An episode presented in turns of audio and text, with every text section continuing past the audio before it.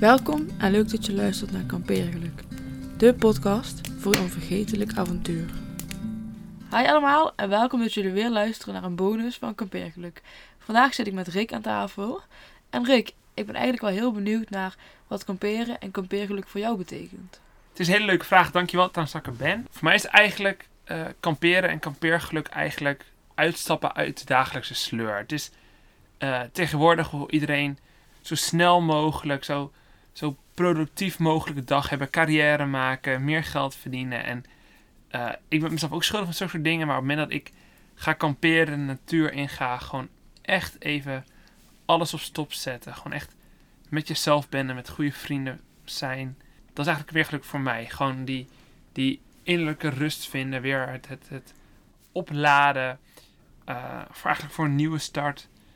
Uh, ja, is eigenlijk weer geluk voor mij. Gewoon die, die innerlijke rust vinden. Dat is iets wat, wat voor mij. Als ik aan weer denk, denk ik eigenlijk aan dat.